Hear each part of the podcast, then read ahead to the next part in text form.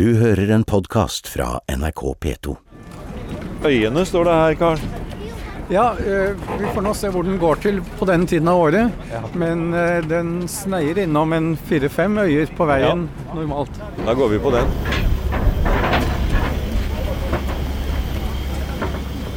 Det er Carl Gervin, forfatter, idéhistoriker og pensjonert sogneprest i Oslo domkirke, som er med oss på ferjeturen fra Aker Brygge og ut til Hovedøya innerst i Oslofjorden. Høsten 2019 ga Gervin ut boken Med munkene på Hovedøya 1.8.1197. En dag i Herrens forgårder. Og nå er vi på vei tilbake til middelalderen og til sistersiensernes verden.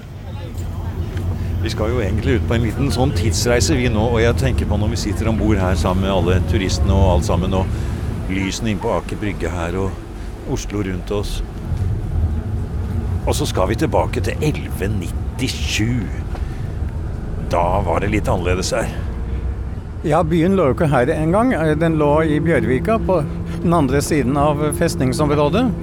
Eh, Og eh, det var jo ikke store greiene. Vi regner med at det kanskje har vært en mellom 2500 og 3000 innbyggere i den byen. Og i Pippevika her har det knapt vært noe trafikk i det hele tatt på den tiden. Og du har jo skrevet eh, flere ganger du om den eh, første byen og hvordan det så ut der. Og på den tiden vi er nå, nå er vi altså skal vi, Nå skal vi nå ferja. Om åtte minutter så skal vi være i 1197. Eh, Men du har flere ganger, Gervin, likt å ta én dato, et bestemt årstall. Du skjærer inn en skive av historien og studerer den. Ja, og det er fordi at middelalderen har vært øh, veldig forskjellig alt ettersom hvem man var, dvs. Si hvor man bodde, hvor man hørte hjemme på den sosiale rangstigen, ikke minst, øh, og hvilken jobb man hadde. Øh, og på engelsk så får de det der mye bedre frem enn vi gjør på norsk, for øh, på engelsk snakker de om the middle ages, og altså i flertall, og det er noe med det. Så det vi nå skal oppleve i 1197, eh, gjelder for 1197. Og når du kommer utover på 1200-1300-tallet, så er det mye som blir eh, etter hvert ganske annerledes. Og én ting som hadde vært annerledes i det herrens år 1197, var at borgerkrigen raste i Norge. Og Hovedøya kunne lett bli et strategisk sted rent militært. Når vi kommer hit nå i 1197, eh, 1. august, da, så passerer vi nå Kong Sverres flåte som ligger her. Ja, nettopp. Ja, Midt mellom Hovedøya og Akershus, som ikke var bygd. Ja, de eh, hadde ranet Oslo, eh, men ikke brent byen. Eh, men de hadde røvet med seg alt som var av verdi, står det i sagaen. Eh, og de har fordelt det på Hovedøya. De gikk under stokk, som det heter, og fikk noen merker sølv, alle som hadde vært med på kampene. Og så trakk de seg tilbake til skipene sine og lå da rundt her nå eh, på den tiden. her som vi går gjennom. Nå er jammen ikke lenge til vi når ut der, for det er ikke lange veien over med denne ferja her. Nei, det, er jo et par-tre pilskudd. Også. Ja, det er Ja, ikke mange minuttene, nei. Nå vi må nesten gå fram vi nå på og se. Nå går vi fram her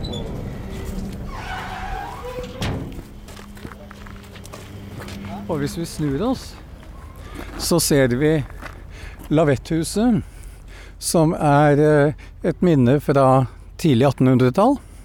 Da var man redd for at eh, engelskmennene skulle komme og ta Kristiania. De hadde jo akkurat brent København, ikke sant? Og Vi er i napoleonskrigene nå. ja, vi er i napoleonskrigene. Og eh, det var en reell fare. Så mye at de bygget kanonbatterier på halvøyene syd for Hovedøya. Og så har de bygget krutthus flere steder. Vi skal passere et av dem like her oppe. Og så da Lavettehuset, hvor kanonene kunne være når det var fredeligere tider. Og selv om nettopp krig og strategisk beliggenhet til slutt skulle ta knekken på klosteret på Hovedøya, så er det ikke det som er hovedpoenget med vår lille tidsreise tilbake til 1100-tallet. Vi skal inn i Herrens forgård, som Carl Gervin sier, og forsøke å få et lite innblikk i hvordan det var å bo og leve som munk på Hovedøya, da sistersienserne hadde full drift her. Men hvorfor de kom er ikke så lett å si. 1100-tallet var en tid da mange klostre ble etablert både i Norge og ellers i Europa. Og det lå en kirke her fra før. Kanskje var det benediktinerordenen som hadde prøvd seg før sistensienserne kom, sier Carl Gervin. Vi vet ikke eh, hvorfor de kom til Hovedøya, men de har nok vært fristet av det at det lå en kirke her. Eh, og eh, de ble, så vidt vi kan skjønne, veldig godt mottatt av biskopen. Så vet vi hvor de kom fra. Moderklosteret lå i England, på slettene nedenfor Lincoln. Det heter Kirksted. Og det interessante med sistersienserne i Norge, det er at de kom vestfra. De kom fra England, mens i Sverige og Danmark, hvor det ble mange flere sistersienserkommuniteter, de kom sydfra.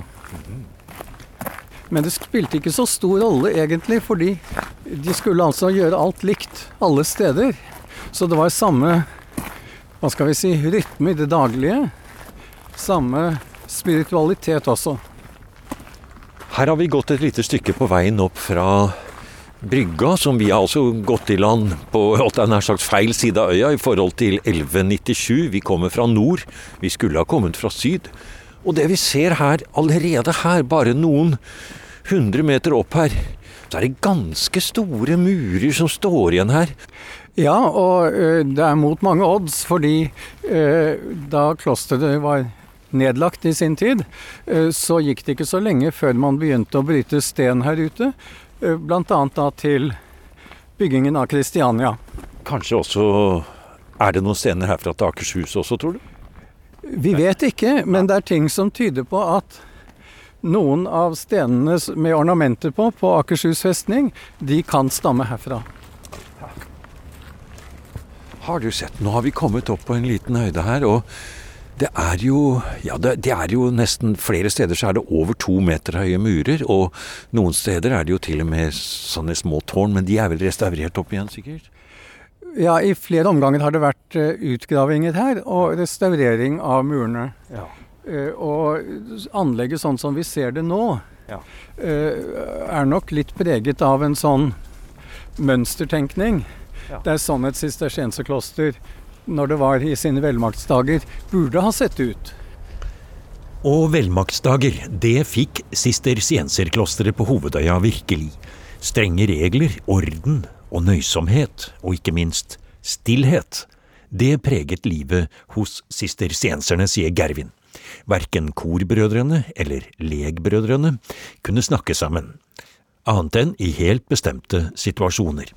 Ingenting skulle forstyrre bønn og kontemplasjon. Men likevel, klosteret vokste raskt, og i 1197 var mange store gårder underlagt klosteret på Hovedøya. Altså Når vi kommer hit i 1197, så vet vi ganske nøyaktig hva de hadde. De hadde øh, Bygdø, som jo var en øy på den tiden. Så hadde de Smestad. Øh, de hadde Borgen. Og det var det de hadde i Oslo-området. Så hadde de Frogn på den ene siden av Follen, av Oslofjorden altså. Og så hadde de en eiendom på eh, Hurumlandet. eh, mye fordi det var så godt fiske i eh, strømmen rett nedenfor. Og så hadde de noen fiskerettigheter litt lenger bort. Ikke så lenge etter at vi har vært her, så fikk de også Asper i Krokstad. Så eh, vi vet ganske nøyaktig hvilke eiendommer de hadde. Og disse eiendommene kalte de altså da grangier, eller vi ville sagt ladegårder, fordi at der sto det en låve. Og der drev de nok ganske utstrakt jordbruk av forskjellig slag. Men på disse uh, utenforgårdene, eh, hvem var det som drev dem, da? Det er ganske riktig at når vi kommer hit i eh, 1197, så er det to slags brødre i klosteret. Det er kormunkene, som har ansvaret for gudstjenesten og vi kunne sagt det åndelige liv. Og så er det lekbrødrene, som hadde ansvaret for mye av tungarbeidet. Og det var også lekbrødrene på denne tiden som drev ladegårdene. Men kunne lekbrødrene snakke med hverandre, eller var de også underlagt taushet? De var også underlagt taushet. Eh, ikke fullt så strengt som i klosteret, men likevel. Fascinerende. Nå, Og her har det da ja. gått en vei Ja, oppover. som vi går på nå. Ja, ja. en hellelagt vei. Ja, nettopp. Og like der borte, eh, på høyre side av veien, er det et søkk i terrenget. Der ligger det en eh, fiskedam. Hvor det har vært Ja. karusser og karper og slike ting. Og den ble nylig restaurert. Hele poenget med at vi snakker om fisk og grønnsaker og rotfrukter, det er jo at munkene her, de var jo vegetarianere. Ja, det var de. Uh, og de spiste mye rotfrukter, som du sier, grønnsaker, ikke minst fisk. Og så gikk det nok mye i stuinger av det vi ville kalt gryteretter, og så fremfor alt grøt. Og i dag er jo dette med eh, vegan og vegetar og alt dette, det er jo eh, i tiden, som det heter. Og det er jo mange regler her. Men munkene på Hovedøya her, de hadde en egen definisjon av hva slags kjøtt de eh, ikke skulle spise, for det var kjøtt med fire ben. Ja, og det betyr at de altså kunne da spise f.eks. duer. Og vi regner med at de har hatt dueslag her.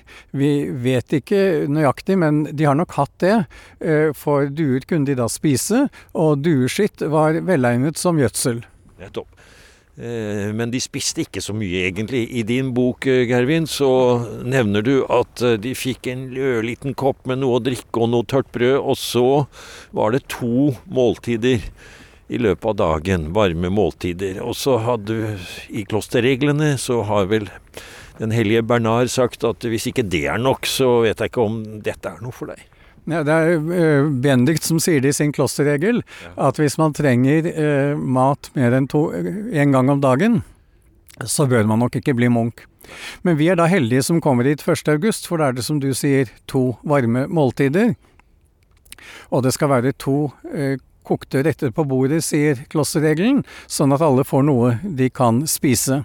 Men fra midt i september, ved festen for korsets opphøyelse, så går man over til vintertid, og da er det bare ett varmt måltid til påske neste år, når nå den måtte være.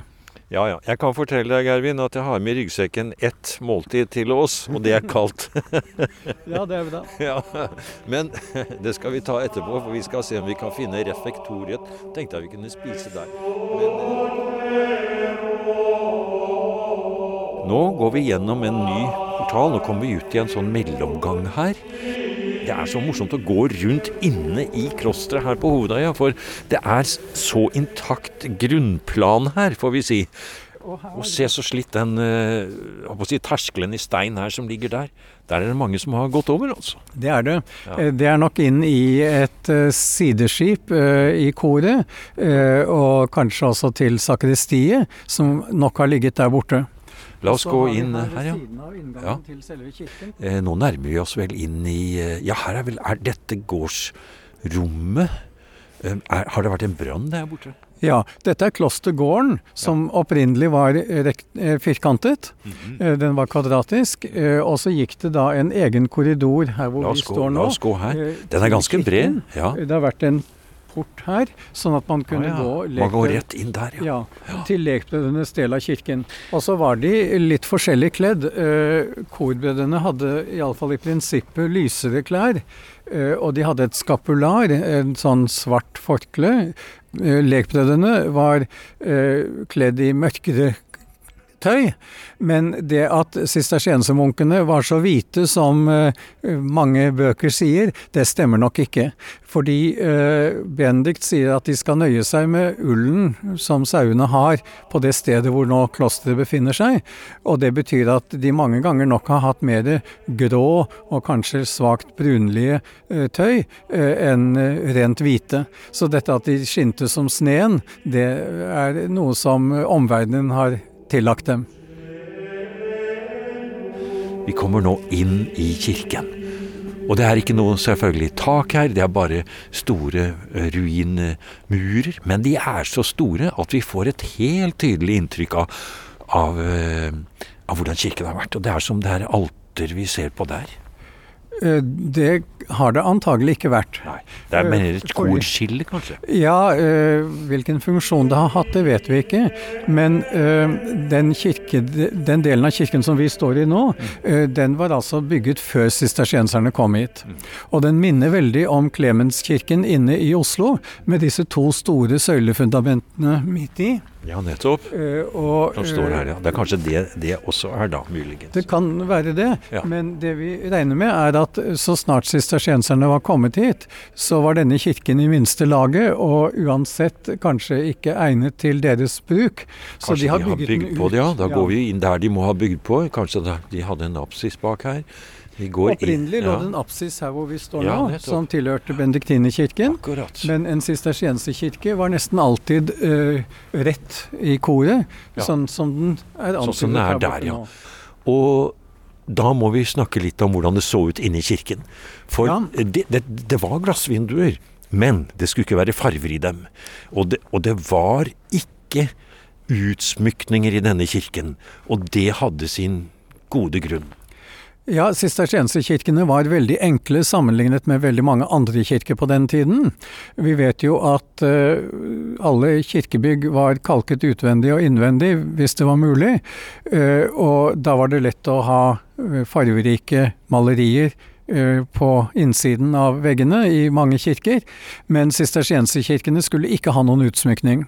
Men det er én ting jeg lurer veldig på nå, og det er at i programmet Museum så har vi mange ganger oppsøkt kirkekunstens overdådighet i middelalderen. Vi har hørt om hvordan man faller gjennom lyset, det er høypolert sølv, det er gull, det skinner. Nettopp i den perioden vi er på nå. Eh, Men her valgte man å ikke ha noen utsmykning. Og i reglene står det tydelig at det står en kritikk, sånn som jeg leser det i din bok. Se på disse andre kirkene, nå legger jeg til litt, altså se på disse andre kirkene som har all disse gull og flotte utsmykningene. Man er nysgjerrig, øyets nysgjerrighet, man gleder seg over dette. Mens de fattige lider like utenfor, står det. Ja, det er et sterkt element av askese i det, og det gjelder sistersiensernes liv i det hele tatt. Uh, askese betyr jo egentlig å øve seg i noe, uh, og uh, den enkelheten man ser i kirken, den er på en måte det som binder hele livet i klosteret sammen. Det gjelder det de leste, det gjelder det de spiste, det gjelder måten de var kledd på, det gjelder alle sider av livet i klosteret. Og ikke minst gjelder det da gudstjenestelivet, eh, som var konsentrert eh, på en måte som vi kanskje ikke er så vant til i dag.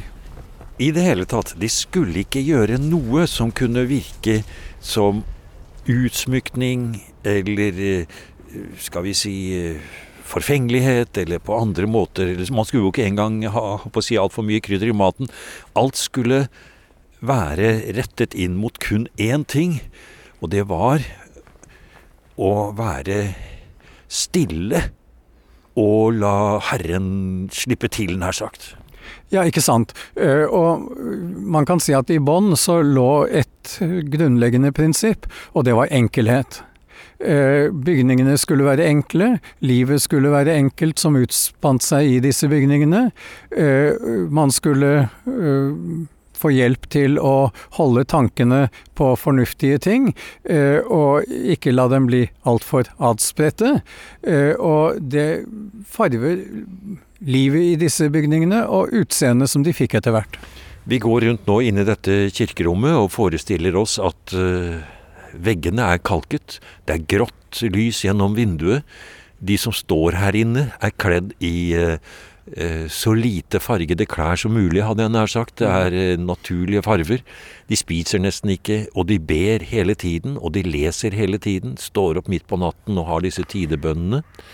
Men musikken, Gervin, den er der. Ikke i form av instrumenter, men i form av sang. Og det drev de mye med. Det er sagt om sistersienserne at de ga avkall på alt unntatt det å skrive vakkert, og vi kunne jo legge til synge vakkert. Og eh, novisene som kom da til dette klosteret når de var rundt 18 år gamle, eh, de har nok strevet ganske mye eh, med å lære seg eh, de 150 davidssalmene utenat på latin, og dernest å sette dem sammen med de gregorianske kirketoneartene. Uh, og vi vet ikke noe om klosteret her, men på katedralskolen inne i Oslo så tok det omtrent to år å lære dette. Og da hadde de uh, forskjellige hjelpemidler. De hadde noe de kalte for Gigos hånd, uh, som var en huske- og fuskelapp. For hvis man holder venstre hånd opp og kikker på håndflaten, så kan man der skrive veldig mange nyttige ting. Annet når det blir påske neste år og flo og fjære og sånt noe. Men man kan også skrive det viktigste det man trenger å vite for å kunne synge gregoriansk. Og I tillegg til det eh, så hadde de en hymne som hører hjemme på sankthansdag i kirkeåret, altså 24. juni. Eh, den er sånn at hver linje i hymnen tilsvarer én linje i skalaen. Og Hvis man da starter med den første linjen i hymnen og den nederste tonen i skalaen, så er latinen ut kveant laxis, som på norsk betyr noe sånt som måtte mine lepper åpne seg. Og én linje ned i hymnen og én tone opp i skalaen. Resonare fibris. Det skjønner vi, at alle mine fibre må gi gjenklang. Og første, første ordet på latin er re. Uh, tredje linje i hymnen, uh, tredje linje oppover i skalaen, mira gestorum, over de store gester som jeg ser Herren gjør. Og hvis man så tar førstestavelsene på latin hele veien, så blir det altså ut re mi fa sol la si. Og på den måten lærte de etter hvert noe som kan ligne på gehør.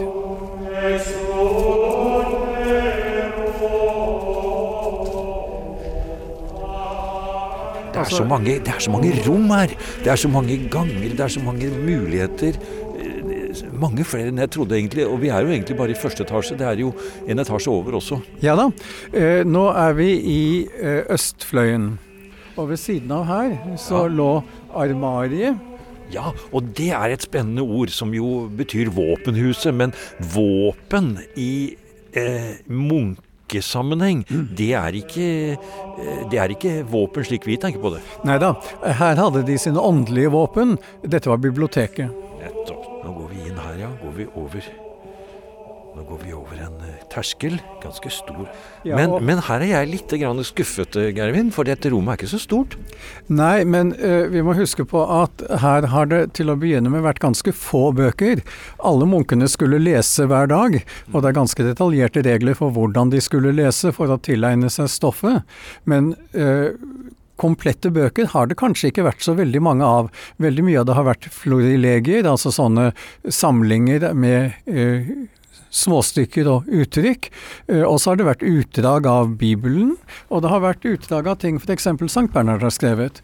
Men opprinnelig så var dette rommet ganske lite. Eh, på fransk den dag i dag så heter jo et sånt stort skap eh, armoire, ikke sant.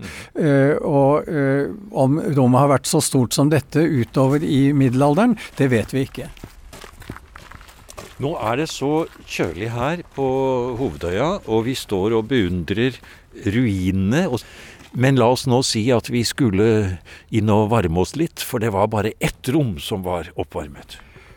Klosteret har et eget rom som kalles kalefaktoriet, varmestuen, eh, som ligger Ja, Hvor er den hen? Nå må vi dit nå. Under ja. ja. Og i den kalde delen av året eh, så var det klart at det var et kjærkomment sted å ty inn. Ja, Hadde de Der... noe fyring her i det hele tatt? Liksom? Nei, de hadde nok ikke det. Altså, det skulle være uoppvarmet. Ja. Og det var jo veldig mange hus i middelalderen som ikke var oppvarmet. Vi er jo bortskjemt med varme rom. Ut av kirken igjen her nå, men vi er fortsatt dypt inne i klosteret så mange ganger. Men ett rom, ja, som var varma opp. Ja, Kalefaktoriet. Og det ligger foran oss her. Ja. Der var det oh, en uh, peis, ville vi sagt. Gå inn der nå. Hvor man kunne uh, ha varme i den kalde delen av året. Er det her? Går vi inn her? her er, er, vi i nærheten av kjøkkenet da òg, eller? Nei, Nei, kjøkkenet ligger i Så de hadde fyr to steder i huset, da? Ja, det hadde de. Ja. Uh, her er vanskelig å danne seg et bilde av hvordan Er dette kalefaktoriet? Ja, det er det jeg håper å si Kalafaktoriet lever mer opp til sin, sin, norske klang enn latinske klang, for det er ganske kaldt her også. Selv om eh, det ikke Men det er jo ikke noe annet å forvente nå. Men, Nei, men hit gikk de når de skulle varme seg. Ja, og eh, tørke og der, Var det der peisen var? Der har det vært en ja, peis, se her, ja. Her kan vi faktisk se det, ja. og sovesalen den har vært ganske stor. Den har gått altså hele veien her og over ja, parlatoriet, over eh, kapittelhuset, over armariet og bort til kirken. Og der var det en trapp ned, som gjerne ble kalt for nattrappen. Sånn at når de kom ved totiden da kanskje, om natten, eh, fra sovesalen, så gikk de ned den trappen og inn i koret. Nå går vi langs eh, yttersiden her. Nå skal vi finne et sted å slå leir eh, inn i, inn i ruinene her, holdt jeg på å si. Vi skal eh, Vi får vel gå for refektoriet da, ja. Ja, vi får gjøre det. Nettopp. Vi går den veien, ja. Det er så mange svinger og hjørner her. Men det er jo bare morsomt. En liten labyrint. Dette har vært en del av kjøkkenet. Det har vært en del av kjøkkenet, Eh, ja. Og, og hvilke vegger som sto her i 1197, det er vel Det er ikke helt sikkert. nå, nei. nei. Kanskje, kanskje passende sted å spise litt her. Vi er på kjøkkenet. Det kan du si. Ja. Eh, Det er mulig at eh, her borte Ja. er sånne serveringsluker Oh, ja. som har gått fra kjøkkenet og til ja, der, ja, for det er åpning gjennom, ja. Mm. Det er som på en, eh, en hamburgerrestaurant. Ja. Nå skal vi se hva vi har.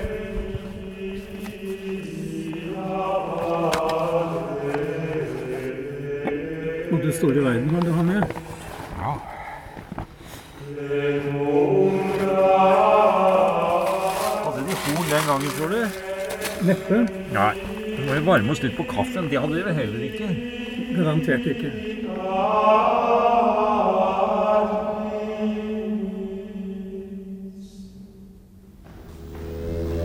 Du har nå hørt en podkast av programmet Museum fra NRK P2.